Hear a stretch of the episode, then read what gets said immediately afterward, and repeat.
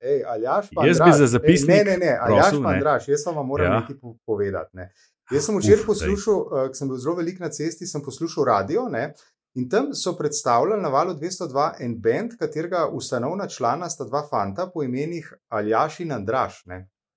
A zdaj si naj pa razkrinko tle. ono. Ne, ampak ja. vam moram še povedati, kako je ime bendu. Ne? To je pa zelo aplikabilno. Ne? Majmunska posla. nice. In, zdaj ne vem, A kdaj sem se pr, uh, na vaju spomnil. Pri imenu benda ali pri imenu uh, glasbenikov. ne, to. ja, ja, v redu je. Se je res, Hvala, bivši prijatelj. už dubo se nazaj. je res. Antiša, da sem rekla, če imamo kakšne trače za štart, ampak Ja. ja. ti si pa Ja, udaril. dobro, to, da jaz radio med vožnjo poslušam, pač ni tračne. Pač ne, največji trač dneva, ko zdaj, ko to snemamo, četrtek, ja, to ste videli prevod, Google, prevod besede clusterfuck. Ja, ja, ja, videl. Kaj že, kurba v gozdu. Kurba v grozdu. A v grozdu je, aj Grozdu. Ja, vidiš. Sem slabo prebral. Ja. Ej, se mi zdi pa, da imamo danes full dela, tako da daj kar špičko, uh, kar malce nam mudi. Pred nami je časna naloga. Fantje igrajo monopoli z državnim premoženjem. Lažje držati za lopato, moram reči. Diskurs, ki ga slišimo danes, je šovinističen. To so vsi, bi rekel, koraki v eh, smeri večjega socializma. Što više ljudskih prava, to više sranja. To je LDGD, podcast, ki nikogar ne podcenjuje in ničesar ne jemlje preveč resno. V imenu svojih najbližjih in v božjem imenu vas pozivam na lov. Jaz mislim, da to je to. Se mi zdi, Andraš, da si ti imel za zapisnik eh, najprej eno sporočilo. Ja, seveda sem hotel sam priobčiti, eh, da nisem bil zadnji, ki se je vklopil v snemanje danes. To se mi zdi izjemno pomembno. Absolutno gre v zapisnik šeste sezone, druge seje podcasta LDGD. To je podcast, ki ničesar ne jemlje preveč resno in nikogar ne podcenjuje, še posebej ne politike. Uh, zdaj tračo nimamo več, ali imaš še kdo kaj, bi še kaj podelil? Ne. Ne vem, glavni trač je itok umanjkal, ne, tako da Pa, ja, to je res. Eh, Pol bi pa samo čestitela za štart Aljažu. Aljaž, zmagovalec prejšnje sezone Polit Bizarke, je štartal v novo z resnim namenom, da obraniš titulo. Eh, Ohoho. Tvoj predlog z veganstvom nad astmo je prejel 39 odstotkov glasov, in za tabo smo se zvrstili izbiranje šefa policije, fake poplavna enotnost in balkanski humor na BSF. A, še boš ustrajal, Andraš, pri nameri, da želiš eh, moj cilj. zmagati v smislu. Ja? Ja, koliko sem pa, koliko procentov sem pa dosegel, več kot nas je na volitvah, ali manj? Eh, Veliko, veliko, ja, krat dva, eh, 15. A, uh, uh, Tako uf. da- O, Ja, ja, ja. za Se moram pa, koalicijo. se moram pa malo bolj potruditi. Ne? Mečkam se bo treba bolj potruditi. Ja, ok, no, pol pa na dnevnem redu smo rekli migracije, javni prevozi uh, in delovni naslov tretje postavke. Kot je uh, zapisal Aljaš, discipliniranje vojaka Logarja, pol pa še podostalo, če se česa spomnimo. Pa recimo, ker snemamo v tednu mobilnosti in ker ravno na dan oddaje oziroma izdaje te epizode beležimo 22. september, ki je dan brez avtomobila. A začnemo z javnim prevozom, se strinjate? Mhm. A bomo, a Sprejeto bomo strokovnjaki za promet spet? Ja, no, prosim te lepo, zakaj pa smo kle? Jaz bi na tej točki mogoče samo um, iz, izrazil, kako sem rekel, sočustvovanje s tistimi, ki so res ostali brez avtomobila, ne po svoji krivdi v teh dneh. ne. Uh, da A boš na volitvah Ja. kandidiral? naše, naše misli in molitve so z vami. Torej, eh, močno je razburila javnost izjava ministrice Alenke Bratušek, ministrice za infrastrukturo, ki je v luči vseh teh razprav o gneči na naših cestah dejala, k manjši gneči bi lahko pripomogli vsi, ki se vozimo po slovenskih cestah, tako da bi pogosteje uporabljali javni prevoz in da se v avtomobilih ne bi vozili sami. Vmes smo izvedeli še, da za to gnečo ni kriv, niso krivi tovornjaki, pa da naj se potrudimo in ne vozimo samo po eden v avtu. Andraš, s kakšnimi, kakšne so bile tvoje prve misli? Ti si, uh, mislim, da najbolj vozač med vsemi nami. Ne? O, ne vem zdaj, odkot ta podatek. ne. Jaz mislim, da je Antiša z naskokom največji vozač v tej družbi. Antiša, koliko kilometrov narediš na leto? Ma ne naredim jih velik, ne, uh, ne vem, mogoče enih 16-17, no, kaj takega. A da je nekaj. Ja, No. s svojim avtomobilom, No, pa še z enim, pa, naredim pa eno še z motorjem. pa tako, no. Čak, koliko si rekel, 16-17 km? Ja, Ja. No, pol Ne, ne, nisi. Dobro, Hvala, če- Nataša, za, da si mi dala besedo. Sem pa velik sem na avtocesti med Ljubljano in Koprom, se upravičujem, Andraš. No, eh, to sem, pa to sem res, hotel ja. izpostaviti. Zdaj sem pa mogoče zadnje čase tudi malo več priznam po mestu spričo nekih lepih okoliščin. V glavnem, um, jaz sem bil seveda pozoren kot ljubitelj številk na statistike, ki so bile v tem kontekstu omenjene. Ta izjava se na prvo žogo zdi res malo neposrečena. Uh, včasih, ko res, resnično vsi, in tle moram zdaj izpostaviti našo Štefi, ki je to predčasno že izpostavila, ne, eh, kot lastno opažanje, zaznavamo eh, ta problem. Mm, tudi ta nesreča, ki se je zgodila pred, pred kratkim na Južni Bosnici, tragična, je definitivno posledica ne, teh, teh zastojev. Mislim, je bila del teh zastojev. V glavnem, v tem kontekstu se zdi to malo neposrečena izjava. Uh, sem bil pa malo pozoren pol na to statistiko, nisem je šel preverjati, jaz verjamem, da ministri in sekretarji vedo, kaj govorijo. Um, če to drži, potem je ta izjava tudi do neke mere utemeljena. Mogoče je bila samo res slabo odmerjena ne, v danem trenutku. Zato, ker eh, pred časom, predno je bil to še tak problem, kot je zdaj, pa se tudi o njem res tudi veliko govori, uh, se je kar veliko delalo na tem te spodbujanju. Da se ne sami voziti v avtomobilu. Ne. Ta statistika, žal je ne poznam na pamet, ampak vem, da je kar drastična za Slovenijo, koliko po- po- po- povprečno potnikov je v enem avtu. Uh, Tle se sigurno da kaj narediti, ampak to je pač nekih stvar, nekih kulturnih navad, ki se jih bomo težko znebili. Verjamem. Se pa spomnim pred leti že, da se je na tem delali, da se je veliko delali. A se spomnite mogoče, koliko je bilo včasih poročan, predvsem o gneči na Gorenski upadnici v, v Ljubljano. In se je potem tam neko parkirišče vzpostavilo, ker je bilo vedno več avtomobilov, ker so se ljudje začeli dobivati. Mislim, to absolutno ni slab predlog. Ne? Zdaj, kako do tja prideti, pa ne vem. Jaz mislim, da pri tej izjavi je res bolj problem ta odmerjenost trenutka in konteksta. In je seveda izpadla vse prej kot uh, konstruktivna ali kakšna že, ne vem. Ne, tako. ni pa, ni pa, ni pa brez, brez uh, smisla, no, to sem hotel reči.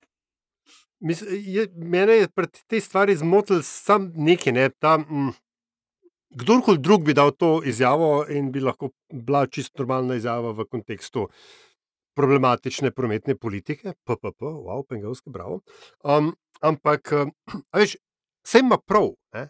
Alenka Bratušek. Res je, vse to, kar je rekla. Tudi tovornjaki niso glavni problem in res je to večinoma en ali pa dva v avtu je premalo. 1,2 ko- ali nekaj tasga je poprečen, nekaj res A veš, nekaj. In kurjenje tekočih dinozavrov ni v redu, ampak a, teta, ti si tam zato, da ti to zrihtaš. A veš, to je dobe se, to, da ona zdaj predava o tem, kaj bi morali mi druge delati, je, um, ni na njej, da to naredi. Na njej je, da to zrihta. A? In kle jaz vidim ta problem. Je pa seveda res, da je ona že pred časom dala, in če, in če to jemljemo v kontekstu njenih prejšnjih izjav, ima ta stvar mečem več smisla. Veš, ona, ona je um, najavila sicer pred poplavami, ki so zdaj vse te prioritete obrnile, ne, ampak vendarle, kaj že um, uh, novo hitro progo od Ukrajine in do Jesenic. Pa eh, nekaj idejama o, o čist novi, na nov položeni štreki, hitri štreki, Koper, Ljubljana, Maribor, itd. itd. Ne. Skratka, tukaj je veš, ne, ne, neke strateške ideje so, um, ampak kot- si ti rekel, ne, mečken uh, um, tone deaf, ne, se pravi, iz, izven, eh, brez stika z realnostjo, izpade, da ti to predavaš ljudem, ki očitno večinoma, večina teh ljudi noče biti v tej gužvi. Ne, to. Uh, veš, kaj sem pa pozabil dodati? Eh, Vmes mi je prešinil, kaj slovenca najbolj zadane. Ne? Eh, Poseg v, v denar, v, v njegov žep. a ne. Pa šnoc Eh, papir, ne. Ta, ta, ta, ta problem, ne, bi se, oziroma rešitev tega, kar je ona predlagala, bo pa mogoče se pojavila jesen, ker sem tako blagi občutek, da nas bodo spet stisnili s cenami goriv in uh, dražji, kot bo benzin, prej bodo ljudje pomislili na to, da mogoče pa res, če smo pa mi tam le soseda, pa hodiva vsak dan na isto špuro gore dole, zakaj pa ne bi šla kdaj skupine, pa še bolj zabavno misliš, tako kot Andrej Šter, pa je kot Kacin med COVID-om? Naprimer, ja, naprimer. Recimo. Ja, če Jaz bo bi tega sam, bila da, da potnika. Da gre v zapisnik, ker Pengovski je izven konkurence, ker prihaja od zelo daleč, ampak da gre v zapisnik, Antiša, da je teh tvojih 16 tisoč, tako kot si rekel, ne prav velik, to je baby level. Gospa Štefica ja. imajo kakšnih 35-40 na leto. In ti si ampak nas izvoli. označila za največje. Za vozače. Ona, a veš, mislim, kaj, oj, oj, oj. No, vozač, povej. Ajde, Sprav, Štefi, ti gužvo delaš v bistvu. Ja, ampak čakaj, vozač je nekdo, ki se vozi z javnim prevozom od drugot nekam. Ne? Daš, v šolo so, v, so bili vozači, uni, ki so iz vrhnke, recimo na več hodili ali pa ne vem, iz Drenega griča. Veš, to, to so bili vozači. Leplana, vozači, ja. povej, Antiša. Um, Kakšne ja. mislite obhajajo ob tem, da se uh, razpravi o javnem prevozu? Ja, uh, jaz mislim, da je ta prometna politika, jaz se blazno dobro počutim, zdaj, ker sem za trenutek bom, uh, tudi strokovnjak za promet. Uh, Um, jaz mislim, da je to vse to, kar se nam dogaja na cestah, je tudi posledica vprašljivih smeri razvoja, kot bi rekel Speranskar del ne, um, uh, uh, slovenskega, slovenskega razvoja nasplošno. Zaradi tega, ker uh, kaj se dogaja ne, v marsikaterem uh, kraju oziroma mestu, ki je nekoč bil center lastne, lastne regije, se ne odloča praktično več o ničemer, ne, če postrežem, in seveda se odloča v Ljubljani.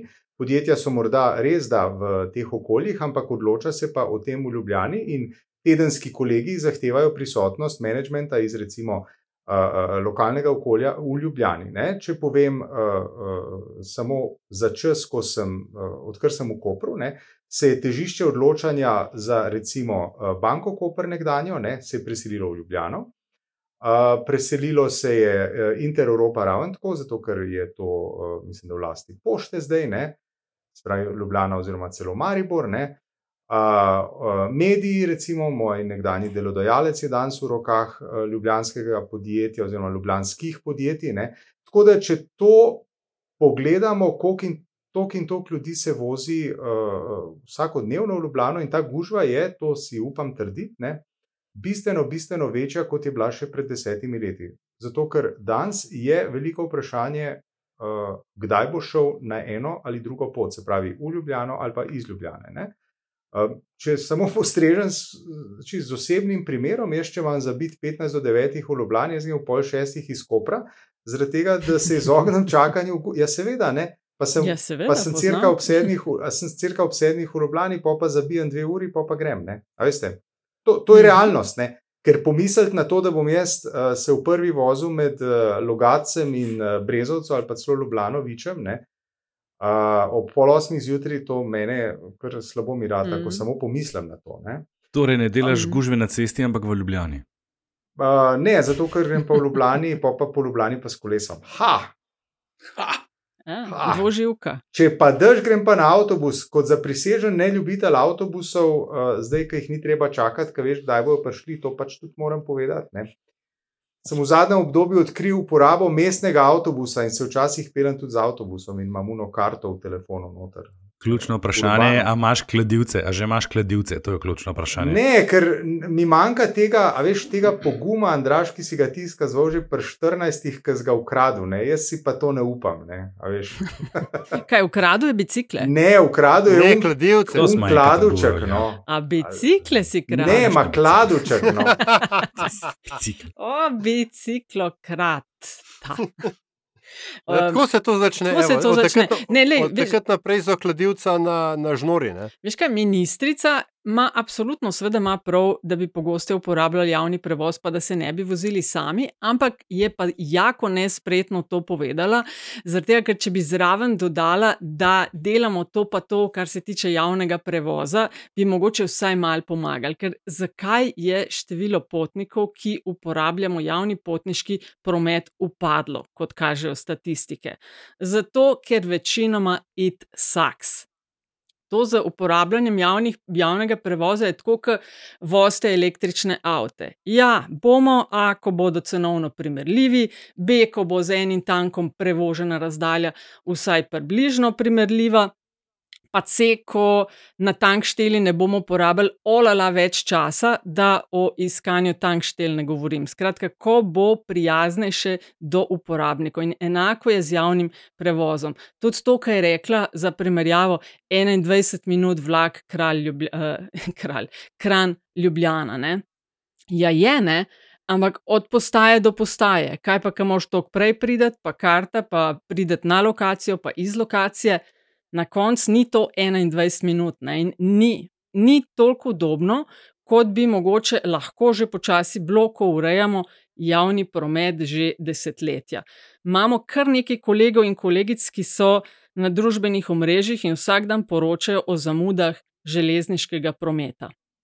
Pa tam to je tako, kot je eden rekel z urnikom. Tam je zato, da veš, da bo prišel ali prej ali pa pol, ne pa v buri. Ja, to je, Tako to je res bojo problem. Ja, ja. To je, To je, ja. Jaz sem se pel letos pač po spletu okoliščin, no, še en trenutek osebne izkušnje. Ne. Enkrat sem šel z avtobusom in mi je bilo super. Ne. Uro 17 z avtobusne postaje v Kopru do avtobusne postaje v Ljubljani, sredi dne. Super. Ne.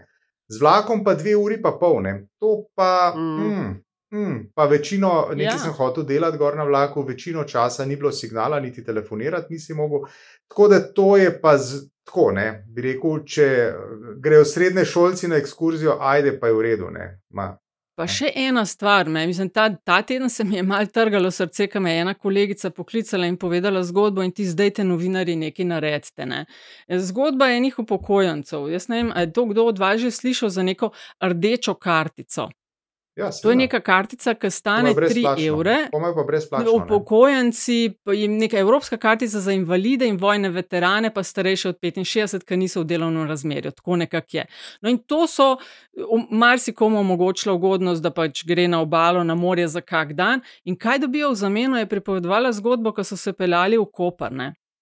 Zmerjajo te starejše, ki si komaj kaj prvoščijo, da so rdečkari, tako prav šoferja, ki jim govori rdečkari, čež da jemljajo sedeže tistim, ki plačajo polno tarifo. Je blazno zaničevalen odnos, to govorimo o ljudeh 70, plus, zamude imajo ti avtobusi, ne skomunicirajo jih, to te ljudje starejši stojijo na teh postajah, pa eh, avtobuse v druge kraje, ki morajo, ne vem, ki pridejo v Ljubljano, morajo pol na Štajersko jeti. Tako vsaj eno prijavo tega te, za tega tepca od voznika Uh, vem, in odgovor je bil: Ja, vemo, za koga gre, res je problem, da je te prijaviti. Ja, je bemo Isusa. No. Hočemo, da se uporablja javni prevoz, subvencioniramo, polje pa tak tretma. Je pa z druge strani, imaš pa, imaš pa drugo situacijo, ko sem kupil to karto, mislim, za avtobus sem jo v soboto kupil in v torek sem zamel, imel za iti v Ljubljano in sem rekel, a to zdaj pomeni, da jaz imam prostor in je rekla, ne, ne, to ne pomeni, da imate vi prostor zagarantiran na avtobusu. Ne?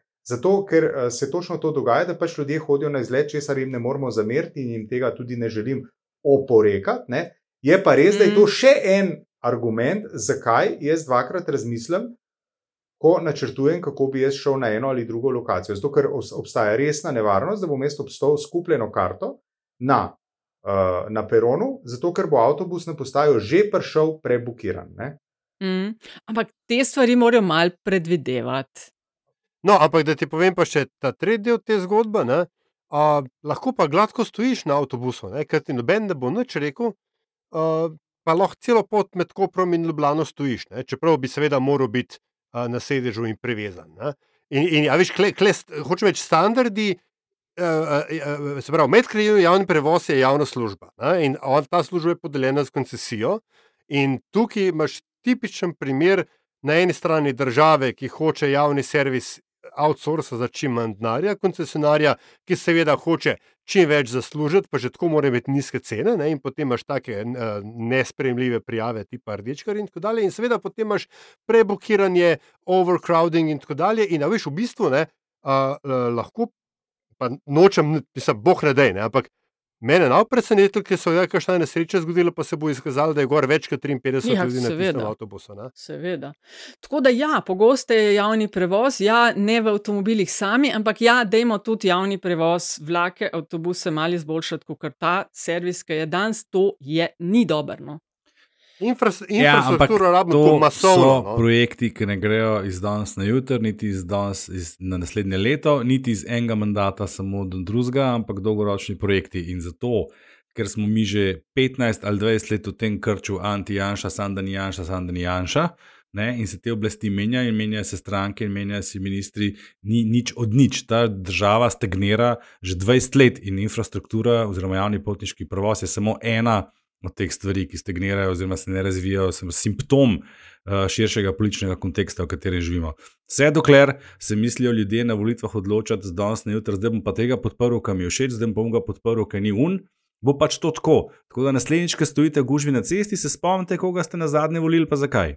Mislim, no, klev, prav, sklepa pač ni neke zbire. Ne? Ali, ali, voliš, ali voliš tiste, ki so recimo nominalno proti Janši, pa upaš, da bo med njimi, da bojo prevladali oni, ki imajo masovni promet, pa ki so za vlaganje, se pravi, javni prometni so za vlaganje v infrastrukturo, kar nominalno trenutna vlada je, ne? CF Alenka Pravcoša, kot rečeno, je napovedovala, da ne vem, kakšne vlaganje železnice. Ali imaš pa pač une, ne, na, na drugi strani, kjer je pa motor na notranje izgorevanje dobesedno ideologija. Ne? In to super, prehajamo na naslednjo temo. Ne? Še prej, mogoče le velja poslušati in slišati uh, kandidata Logarja. Ne? Poenotiti se je treba glede ključnih vprašanj, ne glede na to, ali smo levi ali desni. Sodelujmo. Um, migracije, ali ja, si hotel kar upeljati, od teh Ja, ideoloških hotel, tem. ja. Vroča, Ja, no, kaj, ja, ja. nič, kaj tudi postaja vroča tema jeseni. Migracije. Vlada miri, da ima zadeve pod kontrolo, opozicija oziroma SDS najglasneje, pa ob res povečanih številkah kriči od groze.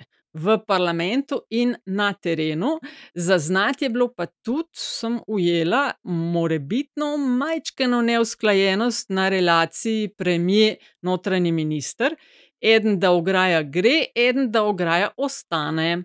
Pa mogoče začni tokrat, uh, čakaj v Kopru, mislim, da so na tvojem koncu Antiša beležijo, pa na novomeška policijska uprava ali postaja. Ja, uprava, no, verjetno, seveda, da največje, najvišje Ja, številke. Ja, Ljubljanska bo težko, ne, če ni mejna ali pa celska. Veš. Ja, pa se oni so povsod. Uh, ja, uh, mislim, kaj naj ti rečem. Ne? To je stvar, ki, na katero smo mi upozarjali v bistvu že kar dolg. Ne? Se pravi, ta razkorak med Ljubljano in, uh, in terenom se izkazuje ponovno za realnega. Ne? Pa ne gre za medvede, ne gre za volkove, ne gre za uh, karkoli, ne? Ali pa v tem primeru ne gre za, uh, za vprašanje ilegalnih migracij. Ne? To je to je uh, razkorak, je ogromen, ljudje imajo dejansko imajo, uh, težave, ne? in uh, uh, lokalna politika ravna in reagira čist drugače, kot morda celo njihova strankarska centrala v, uh, v Ljubljani. Tak izrazit primer je, ne? Je bil nekdani uh, bistriški župan Emil Mhm. mhm. Rojc, ne? ki so ga na koncu, mislim, da celo iz stranke vrgli. ne. Uh, Mhm. Ampak jaz sem povem iz prve roke, jaz sem govoril z ljudmi, ki živijo na bistriškem koncu, to so ljudje, uh, rekel, uh, strpni in civilizirani, ampak so imeli uh, uh, številne težave s tem, da preprosto so si ljudje, ki so bili v stiski, so si v njihovih uh, tistih malih vikendih, barakah za urodje in karkoli že. Ne, Uh, so ulamljali noter, so si naredili pač noter neka prenočišča, in tako naprej. In to je stvar, ki navdaja ljudi, ljudi z nelagodjem. Ne. Tako da ta, um, ta odstop ali pa korak nazaj od te velike, vehementne obljube ograja bo padla, ne, mene niti ne preseneča.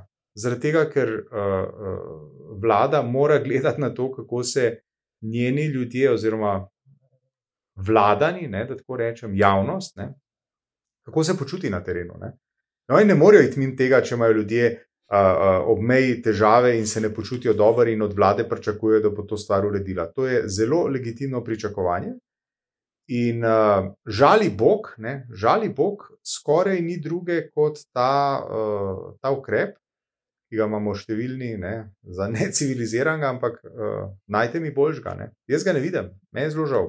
A se nismo mi pred časom, pred leti, ne pred leti, morda dve, tri leta nazaj pogovarjali, kdaj so bile te ilegalne migracije na zadnje 15. Ja, od 15 naprej, od 15 naprej, ja. zadnjih Ampak 8 vem, da let. smo imeli že za časa našega podcasta debato, ko sta prav vidva poročala s terena, Štefi iz, Tako, eh, iz ja. vaših krajev, eh, Antiša ti iz svojih krajev. Ja. uh, o tem, da smo v bistvu ugotavljali, da je eno je v Ljubljani uh, razpravljati o humanosti in civiliziranosti v graji, drugo je pa živeti ob ograji in uh, Mhm, ljudeh, ki mhm. to prečkajo. ne. Ja, ja. Tle, te je res en dosti velik razkorak in ta uh, vzpon teh številk je pa tudi če kar hud, ne, kot sem videl. Ne, statistika spet ne znam na pamet, jaz sem res malo bos Jaz danes.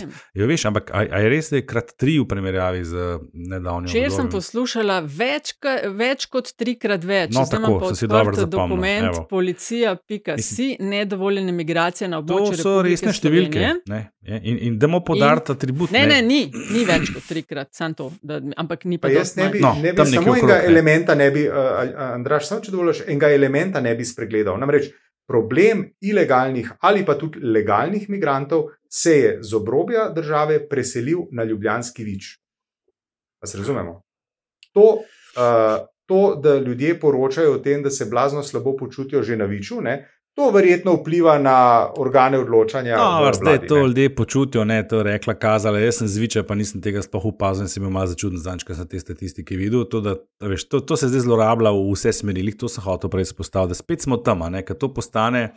Uh, tema za uh, obmetavanje ene strani do druge in nazaj, notranji politični problem, kot temu rečem. Mislim, to ni notranji politični problem, da smo si na jasnem. To je, to je kot orang zunanje politični problem celotne Evrope, ne samo Slovenije.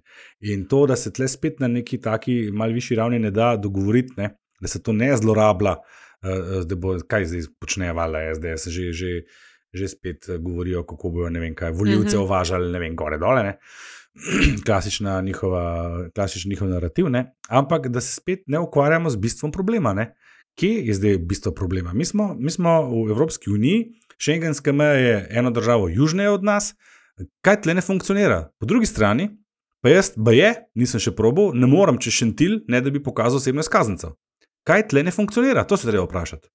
Ne, niso zdaj migranti per se problem, ampak to, da se s tem očitno nihče spet ne ukvarja, kot bi se mogel. In, in gremo takoj že na to, ne, kaj so in kdo kaj pušča, in ne kva, bla, bla, vse te populistične fraze. Ne. Ampak veš, ta, ta diskrepanca me zelo ne, zanima. Ne, kako, kako lahko imamo na eni strani ne vem, koliko tisoč migrantov mesečno ali dnevno, ne sploh ne da nam še neumnosti zdaj rekel, ne, ilegalnih podarjam, ne, na drugi strani pa mi iz te države ne moremo brez uh, izkaza osebnega dokumenta čez mejo v Avstrijo. No, jaz bi kle mogoče na en, eno, pod, V Evropi brez meja. Ne. Kje je zdaj, tle nekaj ne štima. eno podrobnost ne, omenil. Kako si rekla, Nataša, kaj se je bilo 27 tisoč v končni Veš, kaj fazi? klele imamo odprto? Fakti bruti so naslednji. Ne? Uh, nedovoljenih migracij je v primerjavi, se pravi, januar do avgust Ja. 2023-2022, mi- nedovoljenih je za 2,7 krat več kot lani. V absolutni številki V to koliko? absolutni številki, tako iz smeri Avstrija in Italija je nedovoljenih prihodov k nam olala manj, kar pomeni, da v bistvu migranti, ki enkrat pride do Avstrije Nataša, Italije, oprosti, oprosti, še vedno mi nisi povedala v absolutni številki, koliko je, je to. če- 36 tisoč eh, v letu 2023, v 2022 pa 13 600. Okay, v, kaj, v istem, v devetih mesecih. Tako, od ja. eh, osmih, ne? od januarja do avgusta. Prav, okay, ampak, to, ampak kaj to pomeni? Ne? To, to ti po eni strani lahko pomeni, da je migrantov, uh, ilegalnih migrantov več, kar je. Recimo, ne.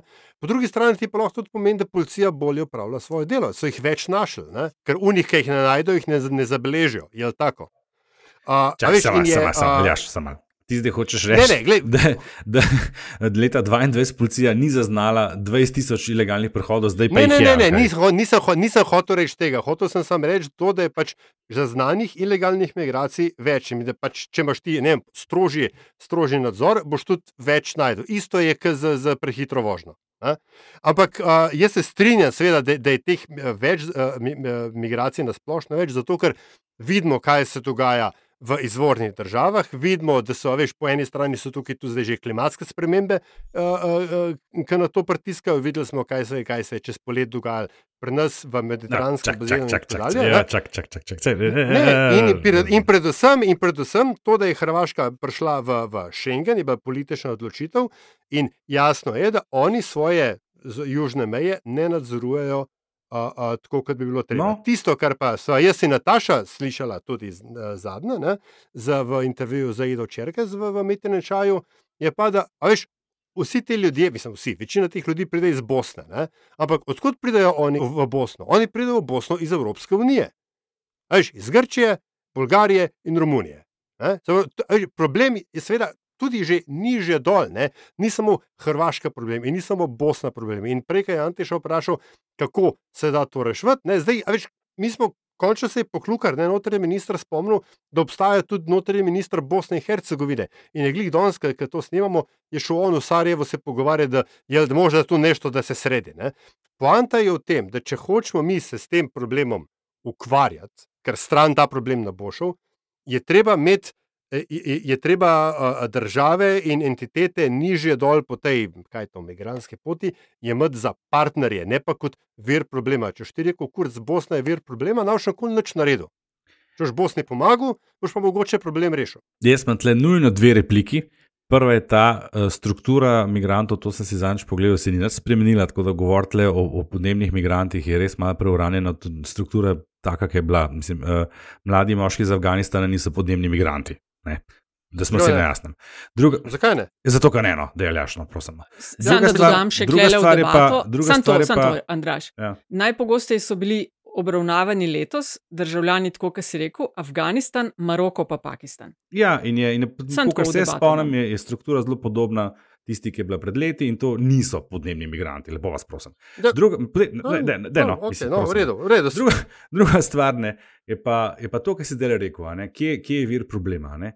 Ko je bila Slovenija tista država, ki je imela južno mejo Evropske unije, torej Schengen, Ja. čez, in so začeli migranti prihajati, in nam očitno ni šlo dobro od rok to, kar ne bi, po mnenju Avstrijcev in ostalih, počeli, so Avstrijci in Italijani celo nekaj časa naredili kaj?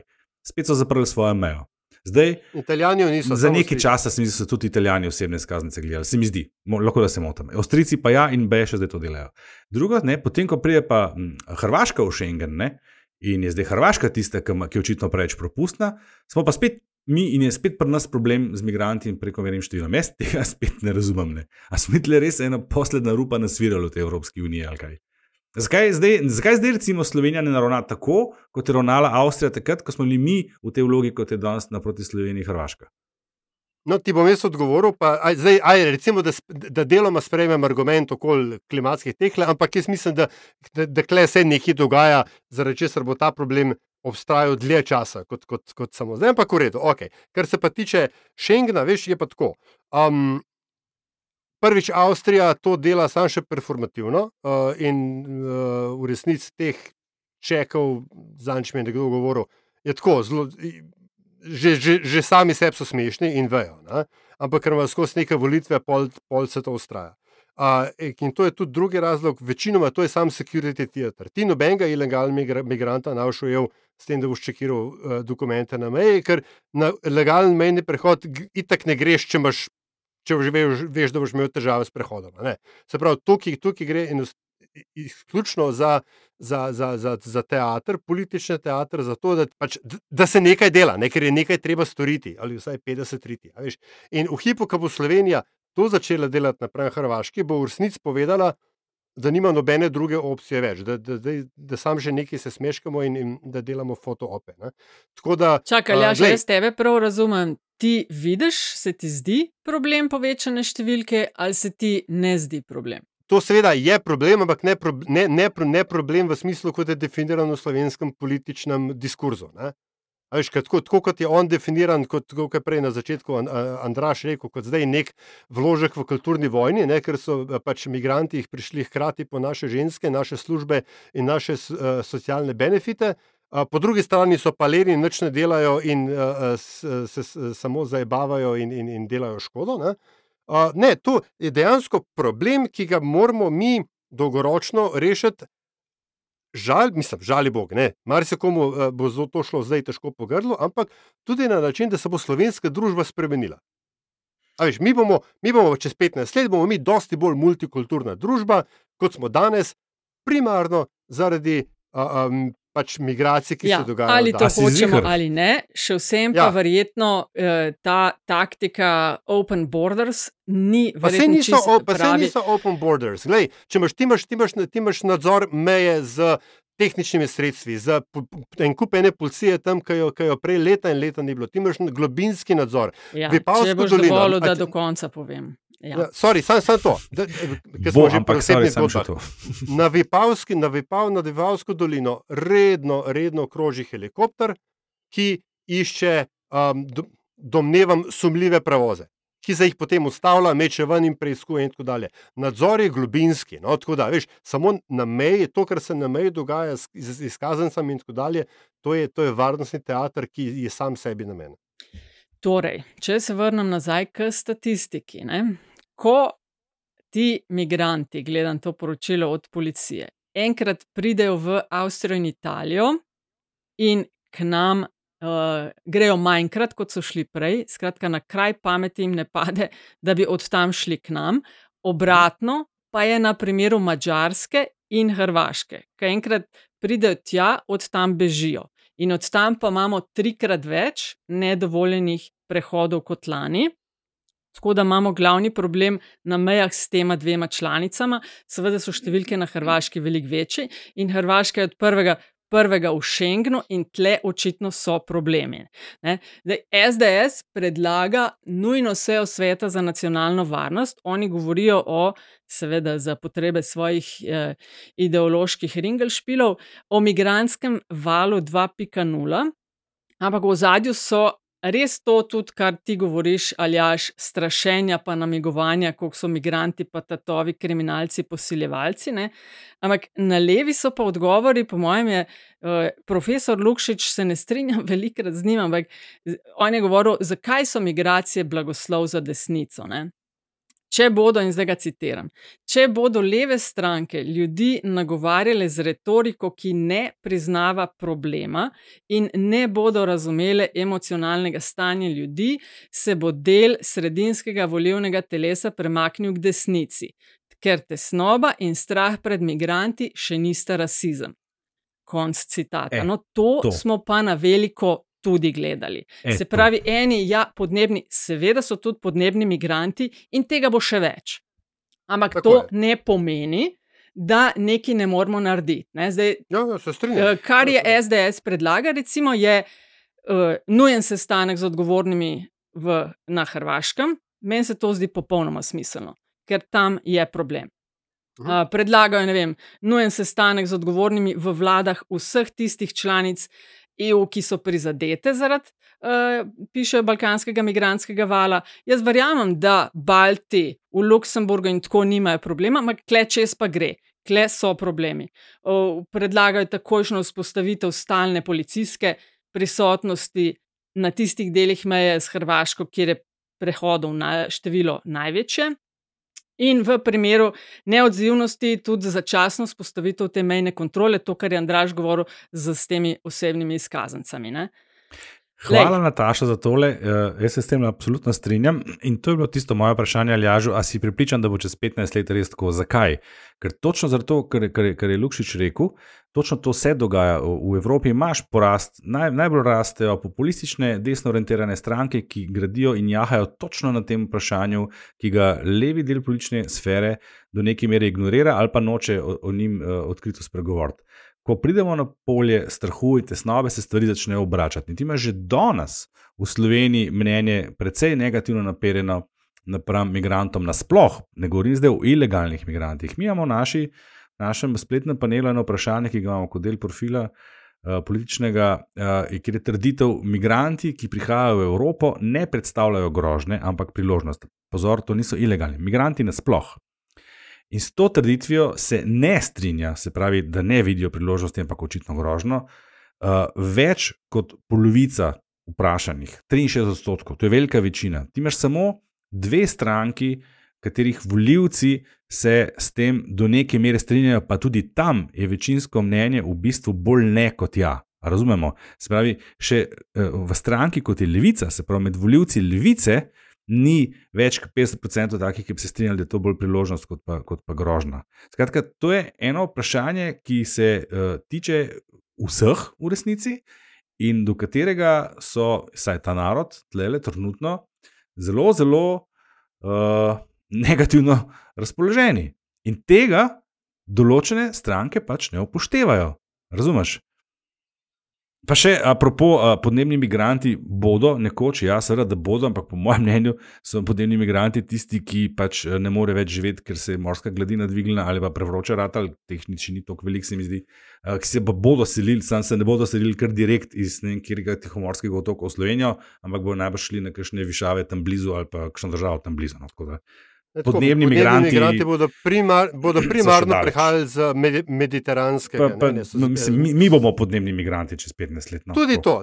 Tudi to. Ampak zdaj, kar se, glej, kar se pa tega tvoje uh, uh, uh, in Natašnega okoli strahu. In, in, ja, glej, tudi meni težko pade z jezika, ampak seveda, klele Lukšič zadev, ne, kako že žeblico na glavico, tudi slepa kura zrno najde in tako dalje in tako dalje. Ampak jaz nisem govoril o tem, kakšen bi moral biti političen attitude. Jaz se, mislim, če kaj, potem je poli, političen attitude prepoznati problem, še, ker šele potem, ko ga prepoznaš, ne, ko ugotoviš, da to je nekaj, s čimer se je treba ukvarjati, potem lahko ti ne, nasloviš, haha, uh, um, ta problem in mogoče uh, down the road najdeš rešitev. Jaz sem ti hotel samo reči, da ne glede na to, ali se bomo mi ukvarjali s tem, se bo slovenska družba, njena sestava, če hočeš. Se bo spremenila. Zdaj, Ja, ali bo to razen, pomenilo, ne. da bomo, čakaj malo, ali bo to pomenilo, da bomo živeli v nekem sožitju, ali pa vsaj kaj, nelagodnem sožitju, ali to pomeni, da bomo a, a, radikalno, etnično, rasno, kulturno razslojena družba, to, to je ta izziv, ki ga je treba rešiti. Ne? A, in, in, ne, in ne, in mislim, da, da ne bomo mi ostali be, bel, od, bel katoliški od, otoček sredi, Evrope, Aljaš. ker To ni, lej, ne, v, mislim, lej, mislim, seveda ni, ti, ampak ti ali ljudem ret, možnost... rečeš, govtej. Pa ne, ne, ne, ne, ne, ne, ne, ne. Ja, ja, se strinjam, se strinjam, Nataša, absolutno. Hočem samo reči, da je končni rezultat bo enak. Vprašanje je pot, ki jo bomo obrali.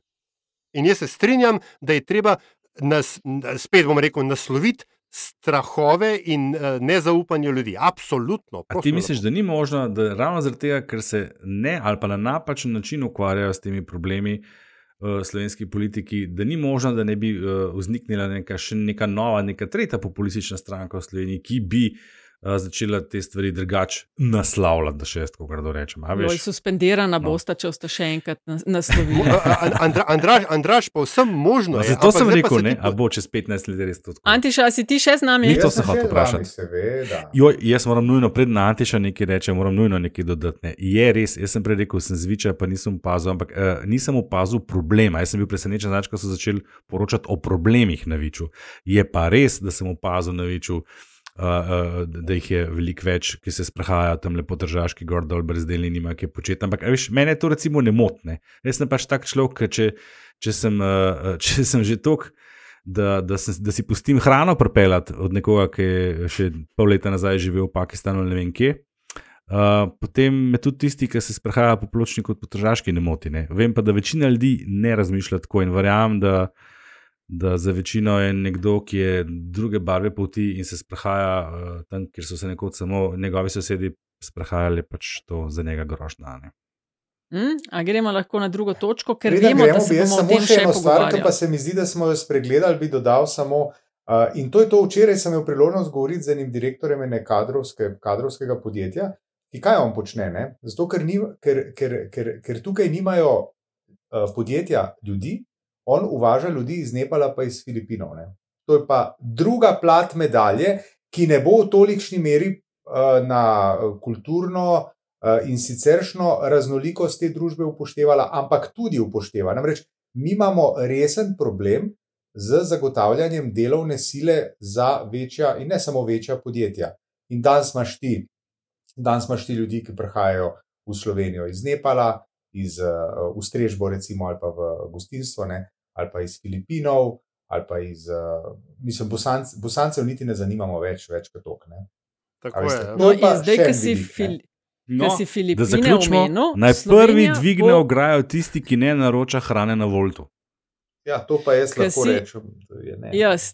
Jaz ne Jaz naročam, nikoli. Uh, ko si Filipine omenil, v kratkem bo Slovenija tam odprla generalni konzulat v Manili in sicer zakaj? Gre za pomemben korak k lažjemu prehajanju filipinskih delavcev v našo državo. to, to je Je to. slišati tako v vladnih kot v gospodarskih To je krogih. to. Tako. Ok, gremo na tretjo točko dnevnega reda in uh, Aljaš, kar te prepuščam, ker si tako izborno in super uh, podnaslovil oziroma nadnaslovil. Discipliniranje vojaka Logarja. Tako, ja. Oziroma, ne, če povzamemo, on bi da jebe ali da ne uđe. Ne, v, v, ne. A, skratka, Anže Logar je z, vel, oziroma, z velikim pompom se napovedovala je zgodnja jesenska, kaj je to, programska konferenca, sestank, um, druženje v Birti, ne, um, platforme Sodelujemo, uh, kjer naj bi se odločali ne, o prihodnji politični uh, usodi družstva. Govorili se je tudi o jasnih korakih k ustanovitvi stranke. Matej Tonin ne, je v svoji veliki državniški modrosti to hotel prehiteti in kar sam dal že ponudbo za sodelovanje na evropskih volitvah, tako Logarevi platformi kot SLS-u. Verjamem, da je vsem ki so se že videli na kandidatni listi Nove Slovenije, so šle kar kocine po koncu groze. Ne? No, ampak v končni, in seveda, ne, kar je še vedno še bolj pomembno, v SDS-u so zač- začela pojavljati vprašanja, da se zmeniti, kva je zdaj s tem logarjem, tako v, v klasični maniri stanja Dolanca. Um, in v končni fazi se ni zgodilo nič. Ne. Um, predstavili so odločitev na kasnejši datum, čeprav razumem, je zdaj uh, Logar oziroma ljudje okoli njega so rekli, da absolutno nič za evropske volitve. Um, vse skupaj je v teoriji sta teorija in praksa eno, ne, v praksi pa nista. Ne. A sem lepo povzel? Lepo si povzel, ja. In zdaj, seveda, misli, vaše, vaše ciljene misli, spoštovani sovoditeljica, Nataša, tebe nikoli nič Da se nikoli sem vedela, da boš sprva v letu, ampak sem hotela prepustiti mesto, ker sem izlagala se pri javnih prevozih in migracijah. Ampak jaz te fascinacije nad logarjem ne razumem in bom samo ponovila to, kar, smo, kar sem v oddajah pred časom že rekla. Uh, logarja brez SDS-a oziroma Janeza Janše ni. On je šel na predsedniške volitve, je štartov, kot uh, so začeli zbirati podpise, in so poslanci SDS stali na uh, tistih eh, stojnicah. Potem, ko je videl, da gre hitro, je začel se razlagati kot: A zdaj sem pa jaz sam in na pol, kot da stranko nima nič. Logar je SDS. Um, Hodi kot SDS, govori kot SDS in dela kot SDS. Ampak naj te to prevaraš, v resnici je SDS. No, to, to je močno pretirano. Vsa njegova karijera je SDS. On niti ene funkcije ne bi imel, če ne bi bil tako lojalen vojak kot je SDS. Nataša. Ko, eh, SDS, kot je bil. To je to, kar vemo mi od njega do zdaj. Tam on Zdaj ne govori platforma. kot SDS, ki sploh ne govori več. No, eh, zelo malo ja, zelo malo je. Zelo malo En je v glavnih službi, očitkov to njemu, ne, da se sploh ne oglaša in In celo ne glasuje v ostaja- parlamentu. Veš, on je govoril, ostajam SDS, ostajam predsednik sveta SDS, zdaj pač razvija ta, kaj je on rekel to v intervjuju, enem organizem za soočanje mnen različno mislečih. Sej. Mislim, zdaj ne bom niti o Toninu in teh njegovih košaricah, ki jih dobiva, pa tudi ne bom, ker se samo sprašujem, kako to, da je on še kar predsednik NSI-ja. Ampak Tako da, kao on, logar ne ve, kaj bi. Logar zelo dobro ve, kaj bi, ampak nič ne bo, dokler ne bo Janez Janša povedal, kaj lahko. Ampak točno tako so nastajale stranke po letu 90, oziroma po letu 89, ne? na levi strani današnje. Ne? Mm. Smo dobili iz ene zveze komunistov, ki je imela fulejnih filial, pa se zdaj, pa se ZMS, smo dobili koliko strank? Eno, dva, tri, štiri. Ne? Kva? A veš, vse, ja, kaj pa, kaj pa je bilo drugega, ne vem. Uh, uh, uh, ta ZSMS, liberalna Ja, ja, stranka, oni so- stranka oni so še bili pred mlad- mano. Saj om- so- so- omladinci, so- so- so bili pač del, ja, tri dobro, stranke to je so bil del iste ja. organizacije, ne v resnici. Ne. Vsi so bili člani Zveze komunistov. Ne. A veš, Ne, ne, ni ne, to ne, zdaj ne, ne. neki novega, ne, Ne, ne, ne, ne, ne, ne, ne. neki fazi, Ja, ja, ja. da so bili brez partijskih Ja, izkazov. če, bil ti, če si bil ti za SMS, ni nujno, da si bil v partiji. Partija je bila samo za zaslužne Ajde, v člane. Ne? Ampak, veš, na nek način je to podobno. Jaz, jaz nisem nič slabega v tem, če on izhaja iz te stranke, zakaj ne bi imel on Seveda svoje ne. stranke. Pa res se ne strinjam s tem, da če hodi, pa govori, ker, ker, ker je pretirana izjava. Um, veš, jaz sem zadnjič razmišljal, ali je res pomembno to vprašanje, ker se vsi sprašujejo, to je zdaj, vsi govorijo, vse to je zdaj sam podaljšek, to je sam satelit SDS in tako naprej. Ali je to sploh pomembno? Ne, uh, jaz, dejstvo je, tako gledam, ne, dejstvo je, da je on na volitvah uh, sicer zgubil, ampak usvojil več glasov kot SDS, pa uh, skupaj na, na, na državno-zborskih volitvah. Ne? In to je kapital, ki ga ne vržeš kar tako stran. Zdaj samo vprašanje, kdo s tem kapitalom upravlja, čeprav, po mojem mnenju, ne, tle ne gre toliko za vprašanje, kolikšni meri je to, a je, a je to Janševe, da je to njegov stelit, ne vem kaj, ampak vprašanje, kaj se bo res na desnici zgodilo, ker nekaj se bo moralo zgoditi. Eh, Dve pomembni stvari sta se zgodili. Najprej so požrli oziroma spretno uničili SLS in ostali brez enega potencialnega koalicijskega partnerja. In druga pomembna stvar, Desusa ni več na, na, na, prizorišču.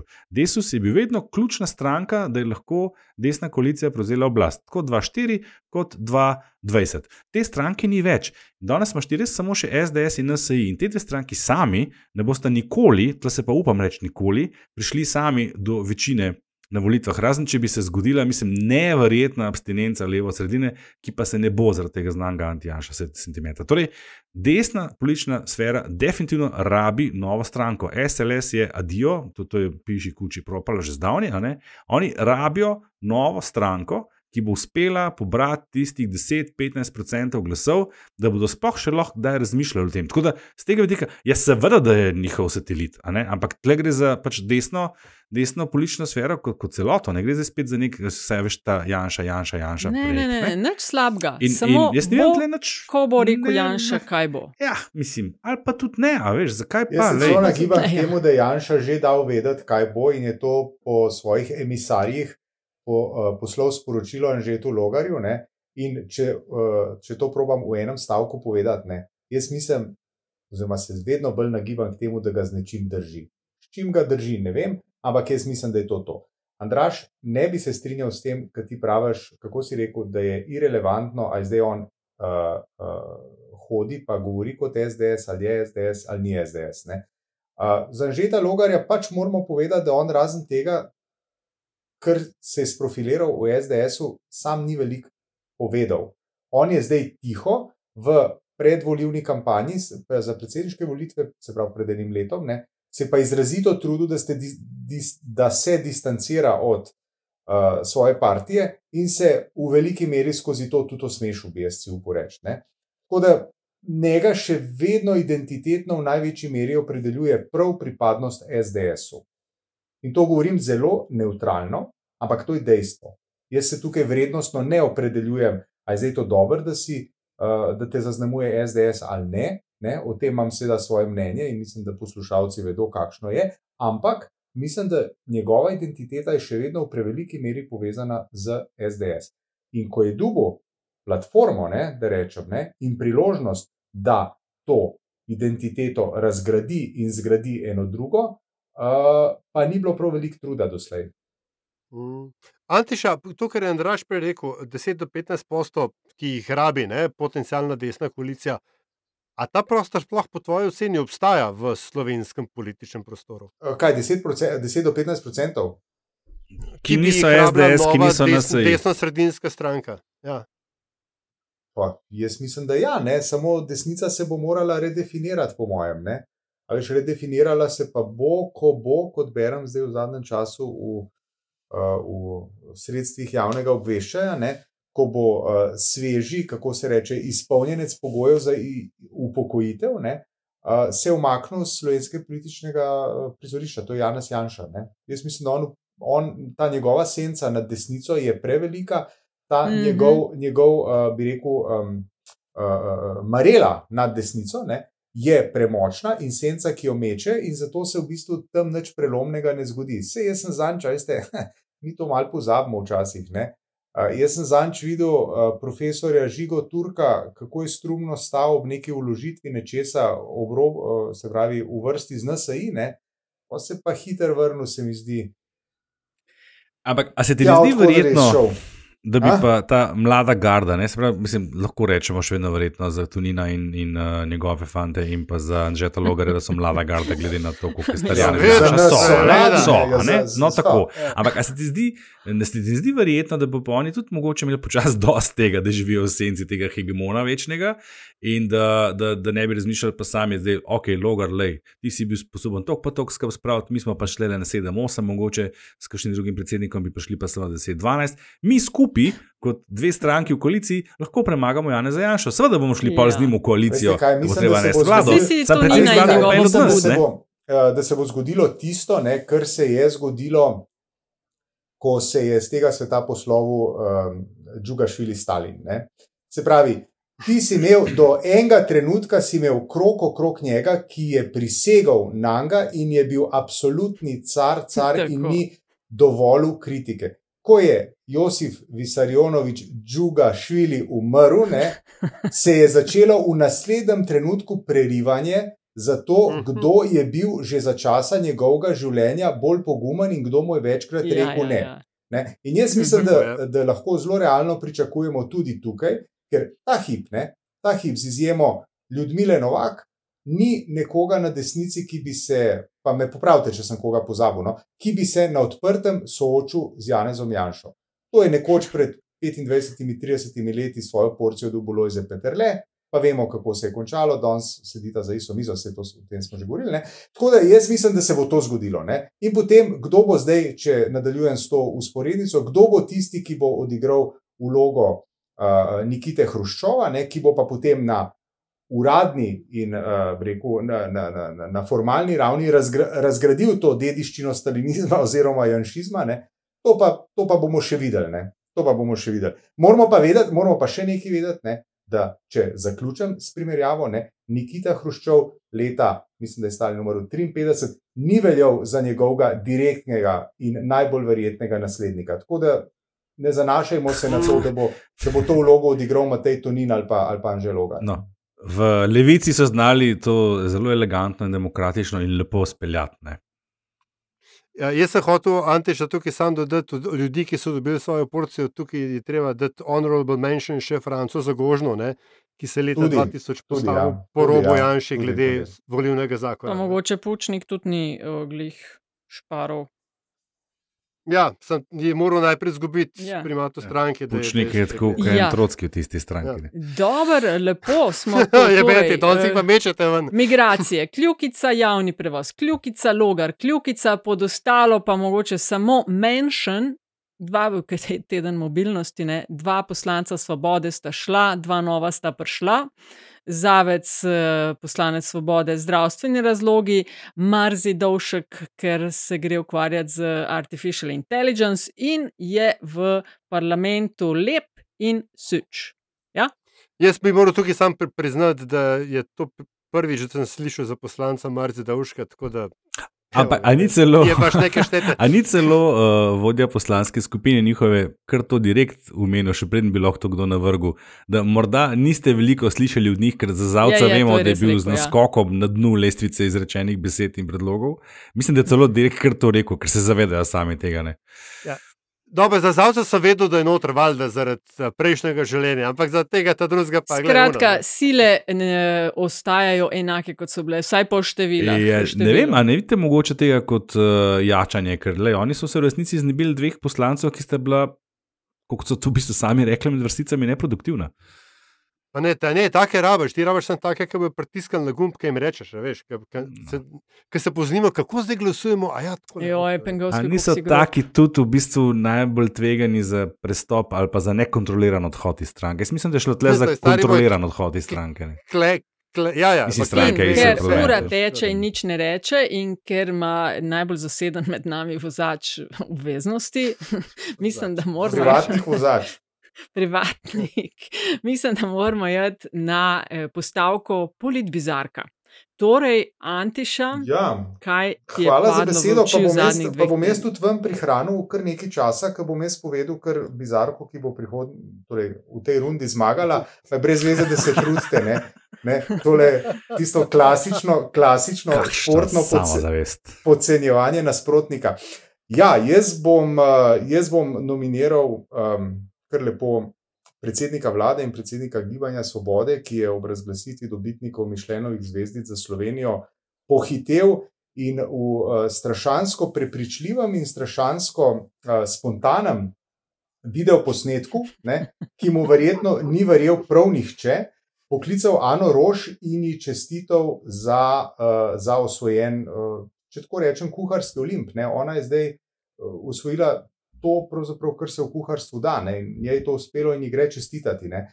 Ampak, ne, Mhm. če hočeš to narediti z nekaj minimalno stila, potem tega ne narediš tako, kot je to naredil Robert Golo. Pa bom jaz zdaj Skratka- svetoval, če dovoliš, Andraš, Ja, ja. predsedniku, predsedniku vlade. V takem primeru, recimo, eh, povabiš na audienco in čestitaš prejemniku, eh, ga pokličeš in mu čestitaš po telefonu, in tega seveda ne posnameš. Če pa že posnameš, narediš pa to bistveno bolj verodostojno, kot je to naredil predsednik vlade. Ne, to je prva stvar. Mhm. Druga stvar pa, a je bilo res treba Ani Rož se na ta način legitimirati? Jaz bi rekel, da ne. Tako da moj predlog je uh, Robert Golob, ki kliče Ano Rož. Živijo Ana, Robert tukaj. Ja, čau, Robi, kje si? A veš, kaj se reče o tem, da je bil ta video pripričljiv, ko glasi Tina Maze v glavni vlogi? Ja, s tem, da Tina Maze je imela snemanje v glasu, verjetno v pogodbi, tole je bilo pa. Ja, ja, vem, vem, ne sam spomnim. Jaz To je bi bila moja enkrat bila rada zraven, kaj je brainstorming za kaj takšnega in sem to bi rada bila, Antiša, reče, To je- udajmo to. Glede tega, kaj je Ani Roš tega treba, a smo mi vsi skupaj pozabili, da je Ana Roš dejavno sodelovala pri nastajanju Gibanja Svoboda in se pojavljala na odru pred volitvami. Ona je takrat Mm. zastavila svoje ime in, in ti renome. en, če, si, če sodiš med top kuharje tega sveta, ne, potem pač tega ti ni treba. No, mogoče Mogoče ste pa frenda tako zasebno. Ja, mogoče. Je me delovalo. delujete v videu kot dva prijatelja. Je, jaz bi naslednjič predlagal, veš kaj, ne, da greš malo retro in pošleš pozdravni telegram. Brzo javko, ja. No, zmagovalec prejšnjega kroga, kaj imaš ti? Ja.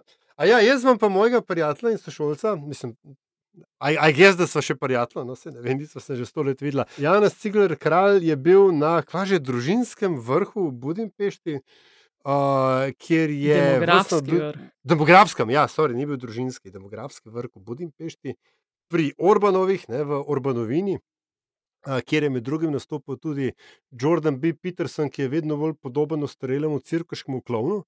A, in Skratka, nekaj je družina, gor, gor, 12 na svetu za življenje, bla, bla, bla, bla jajca čista.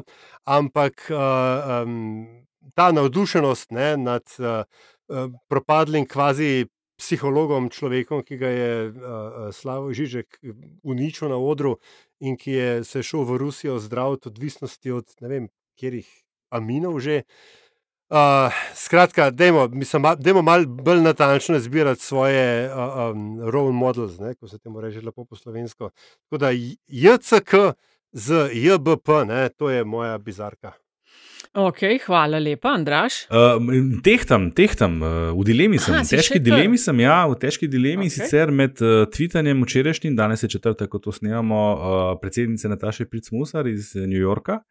Uh, tista njena nič se mi zdela še kar posrečena, neposrečena ali pa obratno. Uh, najbolj mi je v oči padel tweet, eh, namreč eh, tvitala je o vseh srečanjih eh, bilateralnih, ki jih je upravila.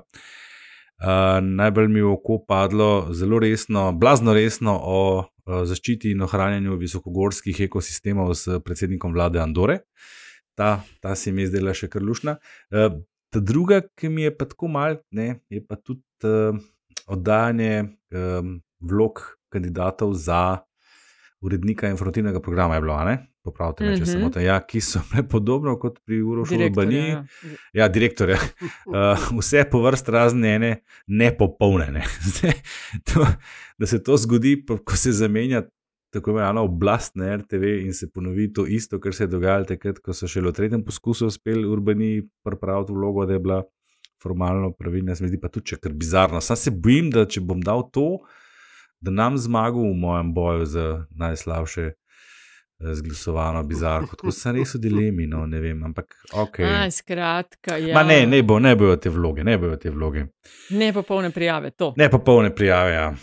Okay. Vem, da smo imeli predlog, smo imeli še tudi uh, dan odprtih vrat v zdravstvenih ustanovah. Ta je bila tudi dobra, pa mislim, da je nekdo opazil tudi, uh, kako je prišlo do menjave v stranki Levica na lep način.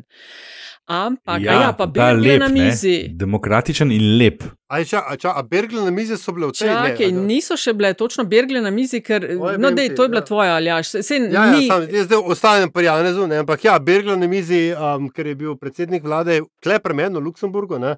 Uh, za sveže poškodovano nogo, očitno sem najprej opazil, da je un gips tam ven sili, da mu niso zdaj najdel črnega štumfa, da mu dajo čez gips. Pol pa še, ko se je z Ksavijem Betlom eh, dobil na tem uradnem delu raz, m, pogovora, razgovora, kako se temu reče, je Bergle tako po kmečko odložil na sred, na, na uno misico, klubsko med njima, ne, ki je tam pro, po protokolu.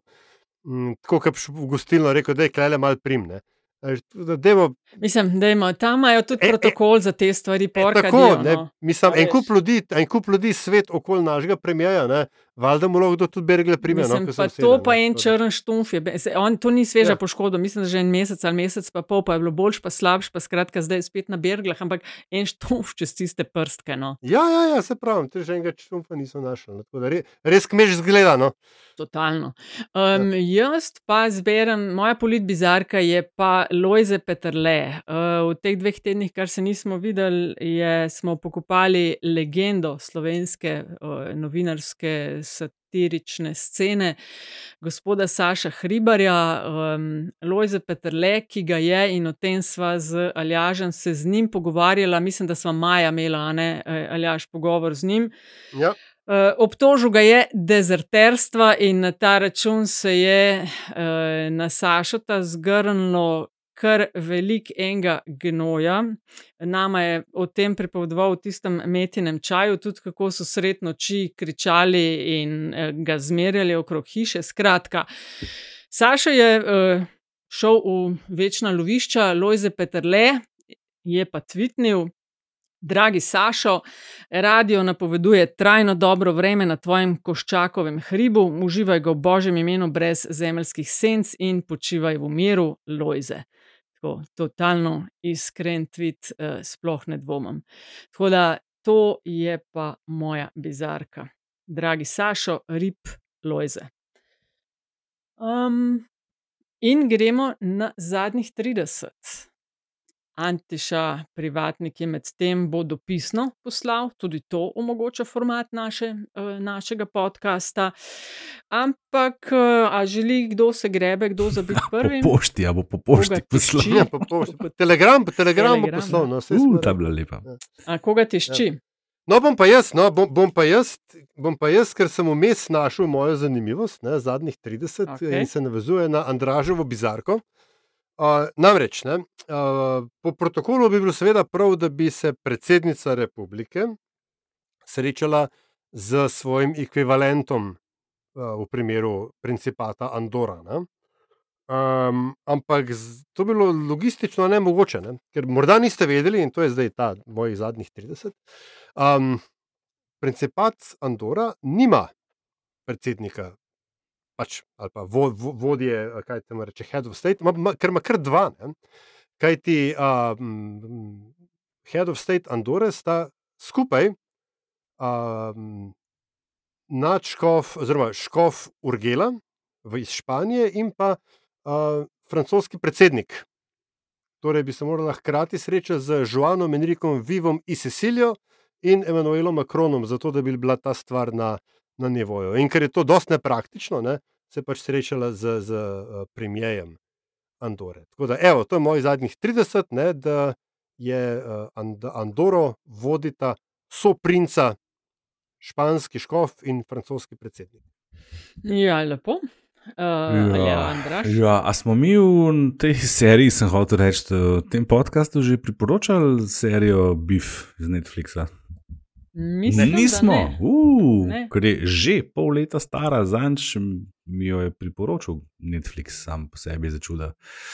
In uh, sem mičkin z rahlo skepso pristopil k ogledu, pa, pa najprej nisem mogel verjeti, da je res tako krasen, fajn, super, v glavnem, zelo, zelo fajn, duhovito. Um, o dveh, um, dveh um, prebivalcih uh, ZDA z azijskimi koreninami, ki se spopadeta, tako se začne serija, na parkirišču in potem ta njun dvoboj prerase v eno spiralo slabih odločitev z obeh strani, pa še različnih drugih upletenih. Poleg tega je še en krasen lik noter, ki bi meni osebno zelo všeč. Ne bom preveč povedal, v glavnem na Netflixu serija Beef zelo priporočam. Pa ja, Beef, to sem se pa tudi le naučil, priznam, ni nujno samo govedina. Uh, pa še dolžno, nujno, obvezno, spet se mi je zgodilo in neskončno me veseli, da se to dogaja. Mm, sodelavka mi je zanč omenila, da je bila na nekem pikniku, uh, kjer je ena zdravnica omenila, da pa je redna naša poslušalka in se je fajn zdelo, da pozna njo, se mi zdi in obratno. V glavnem, uh, lepe pozdrave zdravnici Barbari. Hmm, lepo, to premalkrat rečemo. Ljubi in pozdravi. Ja. Um, jaz pa, evo, za ceno ene, tokrat dve, prmen. Uh, pred časom sem moderirala eno konferenco in slišala za enega lepših poslovenjenih izrazov, vsaj za me, tako novi favorit, namreč prezentacije in slajdi. Kaj je slajd? Drsnica. Bog pomaga. En profesor je lepo govoril o drsnicah in meni se je to jako dopadlo, tako kot hashtag ključnik. Drsnica tudi na franu, tako da je ležit. Jaz sem za njo, priznam, slišala prvič in uh, priporočam v širšo uporabo. In pa še to, ne, ker da bo mera polna in ker v uh, opisu LDGD piše tudi, da ničesar ne jemljemo preveč resno.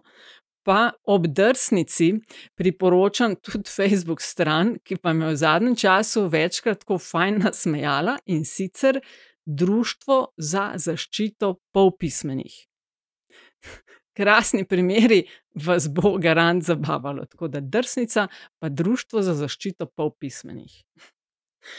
In s tem zaključujemo. Antišov predlog pride po pošti in ga dodamo. Um, Tako da vedno ob vsaki objavi so tudi linki, lahko pregledate in za politbizarke, in za zadnjih 30.